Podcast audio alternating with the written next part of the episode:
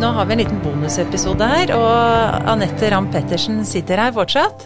Ja, og vi, Anette, tenkte å snakke litt om epilepsi. eh, Altså epilepsi i Hos barn. barn. Hos Mm. barn, ja. Kort og grei oversikt over hva de ser. Eh, Og da tenker jeg jo litt sånn Altså, nyfødte de kan jo både ha eh, sitringer, eh, skjelvinger, litt sånn søvnmyoklonier, både ved innsovning og oppvåkning. Eh, hva er det som er vanlig, eh, og når er det så mye at eh, disse pasientene må utredes? Altså Generelt så eh, er vi ikke kjempebekymret hvis barn har myoklonier under søvn. Kun under søvn. Da er vi ikke så veldig bekymret. Men noen har så mange at vi ender opp med å måtte ta et EG for å forsikre oss om at det ikke er noe epilepsi. Eh, Men nyfødte og spedbarn som får anfallsfenomener, så blir vi jo alltid veldig bekymret. For vi vet at hvis dette er starten på en epilepsi, så kommer ikke dette til å gå sånn kjempebra. Fordi det er så tidlig eh, debut at da får de i veldig, veldig, veldig mange tilfeller en, en, en betydning for utviklingen til barna. Feberkramper, det er jo noe man hører eh, veldig mye om. Hvor vanlig er det? Altså, når er det man skal utrede disse pasientene? Feberkramper er veldig vanlig, eh, og er jo i utgangspunktet ganske ufarlig. Det er veldig få av de som har rene feberkramper, eh, enkle feberkramper, som altså er feberkramper som er generaliserte, og som går over i løpet av eh, noen få minutter, og som er i starten av sykdomsforløpet, og det bare er én feberkrampe i løpet av sykdomsperioden. Er det ganske få som utvikler en epilepsi. Eh, hvis det blir kompliserte feberkramper, altså at de er fokale, eller at det er flere anfall i løpet av sykdomsperioden, eh, at de har eh, eh, nevrologiske avvik i tillegg, eh, så er vi litt mer bekymret for at det kan få en betydning senere. Det er ekkelt, ja. Jeg, jeg har et barn med feberkramper. Ja. Tre ganger.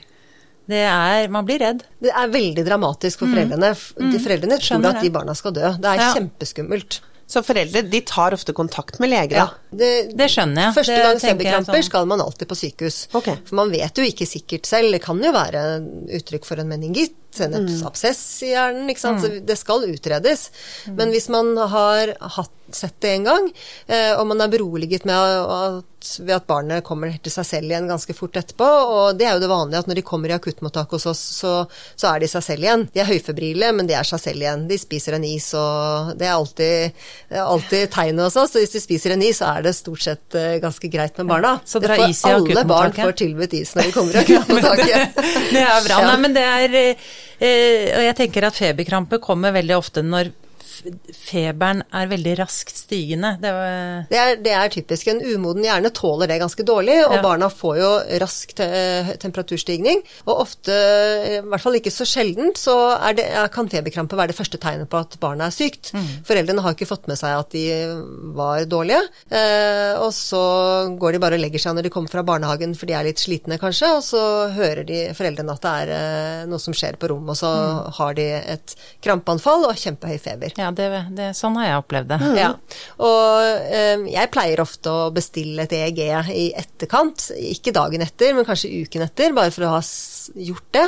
Men det er nok litt sånn omdiskutert om det er nødvendig å gjøre det i det hele tatt. Ofte så kan man jo da ende opp med å finne noe man ikke vet helt hva man skal bruke til.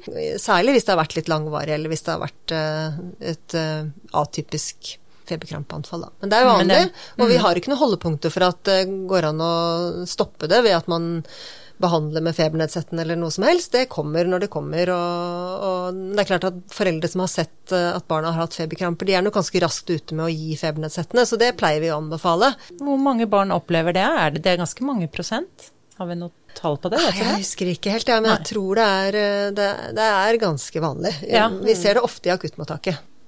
Hvilke andre annen type epilepsi ser dere hos barn? Vi ser jo veldig mye forskjellig hos barn. og de, de, altså 60-70% av de som debuterer med en eller annen form for epileptiske anfall i løpet av barneårene, de får jo god kontroll med medisiner og får en tilnærmet normal utvikling. Ehm, så er jo bare en liten andel, ca. 30% som får en alvorlig epilepsitype eh, som eh, påvirker utviklingen deres, hvor vi ikke får kontroll på anfallene, og hvor årsaken til epilepsien eh, sannsynligvis er av en sånn art at det påvirker utviklingen deres også. Og det sa du at ofte er i de barna hvor det her blir påvist veldig tidlig? Ja, det, det, kan Ja, altså de som, de som debuterer veldig tidlig, mm. og vi finner uh, mye epileptisk aktivitet eller et patologisk EEG allerede i, på barsel eller uh, på, i spedbarnsalder, mm. så er vi jo veldig bekymret for det. Uh, og det gjøres jo alltid en bred utredning med MR for å finne medfødte forandringer, om det er store anomalier, eller om det kan være et eller annet infeksiøst som kan forklare det, og så gjøres det kjempebred utredning, både metabolsk og genetisk, for å lete etter forklaringer. Og, og vi, har, vi, finner jo flere nå enn vi gjorde før. Vi har jo anslått at kanskje 70% av eh, epilepsipasientene finner vi ikke årsaken til, men den, den kakebiten der er jo i ferd med å bli mindre, fordi vi finner genetiske forklaringer. Og, og i den eh, gruppen med de vi ikke vet hvorfor har epilepsi, så befinner jo alle disse godartede epilepsiformene seg også, ikke sant. Absangsepilepsi og juvenil myoklonepilepsi og alle disse her er jo også der som vi jo egentlig ikke helt vet hva skyldes, men som, som det jo egentlig går ganske bra med. Eh, men, eh, men vi vet ikke akkurat hva, hva som er årsaken til at jeg har den epilepsien. Ja, jeg bare tenker det er jo liksom noen epilepsityper som starter til ulike tidspunkt. Da, det der med modning av hjernen har mye å si for hvorfor man får ting til ulik tid. Eh, så det vet man kanskje ikke så mye om. Du nevnte juvenil myoklonusepilepsi. At det har noe med sannsynligvis nett nettverkene setter seg i ungdomstiden, og så er det et eller annet som skjer, mm. og så er de litt sånn genetisk disponerte, mm. og så får de en, en, epilepsi, og sånn er det kanskje med eh, barneepilepsiene også, da. Vi har jo disse epilepsisyndromene som vi er veldig ja. opptatt av i barneårene, og som kanskje ikke dere har vært like opptatt av uh, tidligere. Jo, men vi arver de jo litt, da. Dere arver dem jo når mm. de blir voksne. Uh, men uh, der er jo alder ved debut et av kriteriene for å gi den ene eller den andre epilepsisyndromdiagnosen. Og veldig mange av våre epilepsisyndromer, de har jo veldig mange etiologiske årsaker. Ja. Så man kan jo nesten lure på hvorfor man kan kalle det for et syndrom, sånn som Lennox skal stå, f.eks. Ja. Har du noen kan... Jeg kan veldig lite av det her. Ja. Eh, hva, hvilke forskjellige syndromer er det det er snakk om da? Hvis det er sånn tidlig barnealder, så kan man jo eh, se f.eks.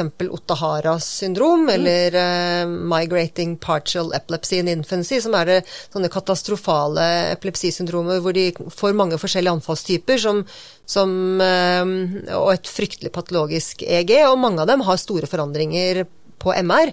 Eh, men andre av disse pasientene har helt normale MR, men vi finner en genetisk forklaring. Og, og, i den siste gruppen, som kanskje er den største, finner vi ikke ut hvorfor de har det. Mm. Og allikevel så ser de eh, like ut i forhold til anfallstyper og EEG-funn og hvordan det går med dem, og det går veldig, veldig dårlig. Mange av dem de, altså, de dør jo i løpet av et eh, par år. Eh, og det samme gjelder jo Eh, infantile spasmer, som jo er en veldig alvorlig anfallstype, eh, som også debuterer eh, i, ja, før et års alder, hvor barna får en sånn salamlignende anfallstype med hodenikk, og de slår armene frem og flekterer i hoftene, og er kortvarig fjerne, bare et sekund eller så, og som kan komme i serier. Og den anfallstypen vet vi, den har et spesielt funn på EG med veldig sånn høy høyamplitydisk, kaotisk EEG-forandringer.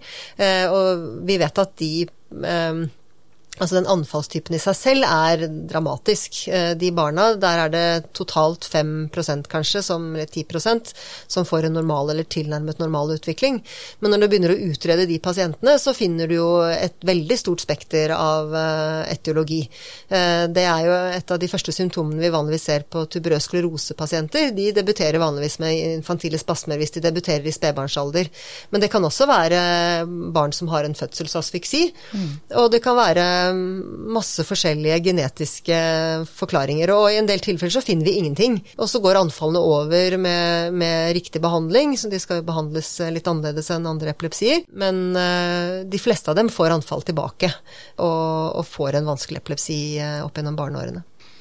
Så disse syndromene er jo litt sånn eh, Jeg tror det, jeg tenker at de, de har liksom oppstått fordi at vi, vi, trenger et klassifiseringssystem som går parallelt med etiologisk utredning, fordi vi i så veldig mange tilfeller ikke finner en forklaring. Og da kan vi liksom sette dem i en kategori som gjør at vi i hvert fall kan velge riktig behandling, og så kan vi si noe om prognose. Og det er jo kjempeviktig for foreldre og for å kunne følge dem opp riktig, da. Ja, for det fins jo ekstremt mange. Du nevnte Lennox stå, og så har du Jeg kommer ikke på alle, men det er, sånn, det er jo det er en lang remse. Det er en lang remse, men som en generell regel så er jo eh, barn med disse syndromene har mye hyppigere anfallsfrekvens i barneårene enn når ja. de kommer opp i voksen alder. For selv om de fortsetter å ha anfall, så blir det litt mindre av det. Og så har jeg følelsen av at det blir litt mer psykiatrisk komorbiditet når de blir eldre. Eh, det ser vi litt mindre av. Det er mer sånn atferdsproblematikk og hyperaktivitet og ja, de har jo selvfølgelig kognitive utfordringer, men, eh, men eh, de har jo veldig, veldig, mye anfall. Og eh, det er stor grad av reflektaritet, og det, det blir nok litt, litt, lettere når hjernen er modnet og ting liksom mm. setter seg litt, da. Men er det andre typer epilepsiformer som kan komme i barnealder, og så forsvinner det? Ja, da, det er, vi har jo noen godartede, heldigvis, ja. Eh, som de vanligvis vokser av seg. Sånn som eh, rolandisk epilepsi eller eh, benign barneepilepsi med sentrotemporale spikes, som de kaller det. Det er en sånn selvbegrensende epilepsitype. De debuterer i ja, skolealder, tidlig skolealder, med, med orofasiale anfall, mm. vanligvis. Sånn at talearrest og sikling og rykke litt i den ene siden av ansiktet. Og, og så kan de også ha nattlige ETK-anfall. Det er jo normalt utviklede barn, og, og, som i mange tilfeller ikke trenger behandling. Men de kan være ganske sånn ubehagelige for barna selv, fordi de opplever dem og, og får det med seg. Så at uh, i mange tilfeller så behandles de med, med et eller annet fokalt uh, oxcarba-preparat. Og, den, den epilepsitypen vet vi jo at uh, i de fleste tilfeller brenner, brenner ut eh, før pubertet. Vet man hva det kommer av?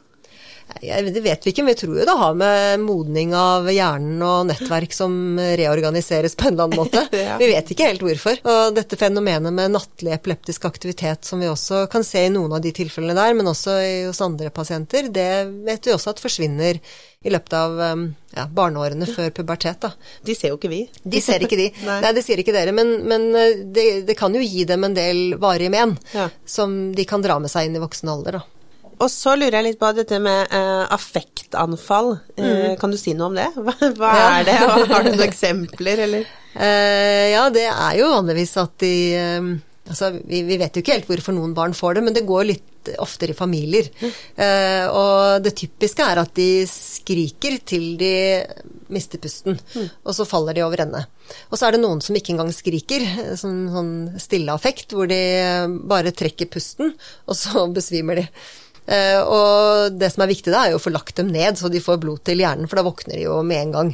Uh, men det kan være ganske sånn dramatisk, det. Og mange av de barna blir også henvist for en EEG. Men de, de er jo normalt utviklede barn, og det går over i løpet av eh, småbarnsalder. Altså, men du sier sånn at de skriker. Hvordan skal man se forskjell på det og vanlig liksom jo, nei, men det, det, det typiske er at uh, uh, Jeg opplevde det selv, jeg, min egen sønn. Han var så sinna for at jeg plasserte han i barnesetet i bilen. Oh, ja. Så han skrek noe så inderlig, og så plutselig så, så jeg bare at han fadet bort. Dro jeg han ut av barnesetet og la han på bakken utenfor oh, ja. bilen. Og så våknet han opp. For det kan jeg jo tenke meg at det er veldig, veldig skummelt hvis man ja. ikke vet noe om det eller ikke har Nei. opplevd det før. Nei. Da. Men det er ganske klassisk at de skriker, og så pleier de jo ikke å få kramper. Mm. De pleier bare å besvime.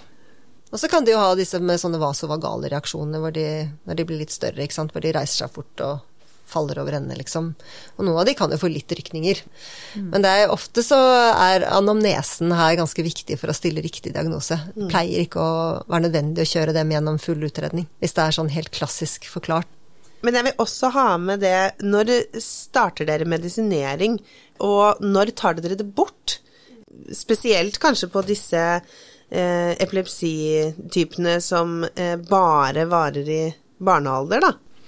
Altså akkurat når det gjelder rulandisk epilepsi eller benign barneepilepsi, da, eh, så har man gjort en del studier som tyder på at det har ingenting å si for prognose om man behandler det eller ikke. Men man, man starter ofte behandlinga likevel fordi det er ubehagelig for barna å ha de anfallene. Eh, og særlig hvis de har eh, nattlige ETK-anfall, så skal de jo behandles. Hvis de bare har disse fokale, orofasiale anfallene, så er det ikke så viktig å behandle sånn men, men, hvis de har nattlig GTK, så skal de det.